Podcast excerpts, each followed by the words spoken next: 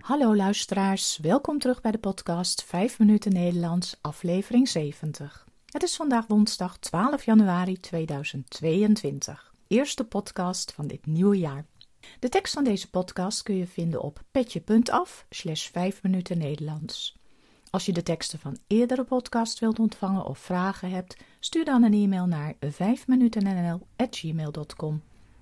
Mijn naam is Carolien, ik ben taaldocent op de universiteit en woon in Leiden. In deze podcast vertel ik iets over mijn leven, over wat ik de afgelopen dagen heb beleefd of iets over de Nederlandse taal en cultuur. Aflevering 70. Een nieuw jaar. Allereerst wil ik jullie als luisteraars een heel voorspoedig en gezond 2022 toewensen. Hopelijk hebben jullie een goede jaarwisseling gehad. Ik wel. Mijn man en ik waren samen thuis. Onze dochter Lotte was met vrienden in Amsterdam. We zijn op oudjaarsdag eerst even bij mijn moeder op bezoek geweest en s'avonds hebben we lekker gegeten en een film op Netflix gekeken.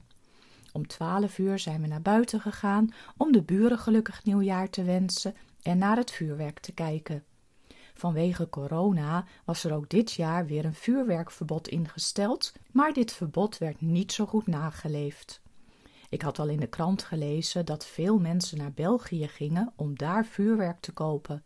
Blijkbaar hadden veel mensen uit Leiden dat ook gedaan, want er werd veel geknald en we zagen prachtige vuurpijlen de lucht ingaan. Op 1 januari is traditiegetrouw de nieuwjaarsduik in Scheveningen en andere kustplaatsen. Ook dit was officieel afgelast. Op nieuwjaarsmorgen zijn wij een lekkere wandeling langs het strand gaan maken en we zagen overal kleine groepjes mensen die toch een duik in zee namen. We zagen vader met twee kindertjes. De vader rende heel enthousiast het water in, maar de kinderen kwamen niet verder dan natte voeten.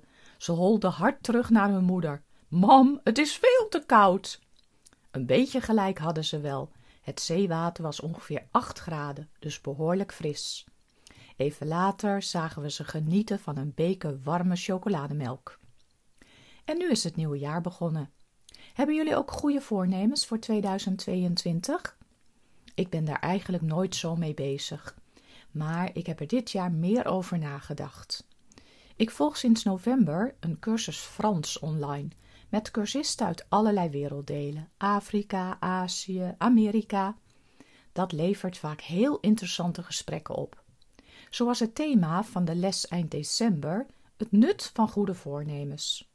Heel veel mensen zijn ervan overtuigd dat het nuttig is om rond de jaarwisseling de balans op te maken, te kijken naar wat er het afgelopen jaar goed of fout is gegaan en plannen te maken voor het komend jaar. Hierdoor heb je meer focus en kun je meer bereiken. Ik heb van mijn medecursisten allerlei handige tips gekregen hoe je je plannen kunt realiseren. Je moet vooral realistische plannen maken en de lat niet te hoog leggen. Ook is het belangrijk dat je iets echt graag wilt. Als je het voornemen hebt om meer te gaan sporten, maar je houdt helemaal niet van sporten, dan gaat het waarschijnlijk niets worden. Je kunt dan beter een plan maken om iedere dag een uur te lopen of een stukje te gaan fietsen of zo.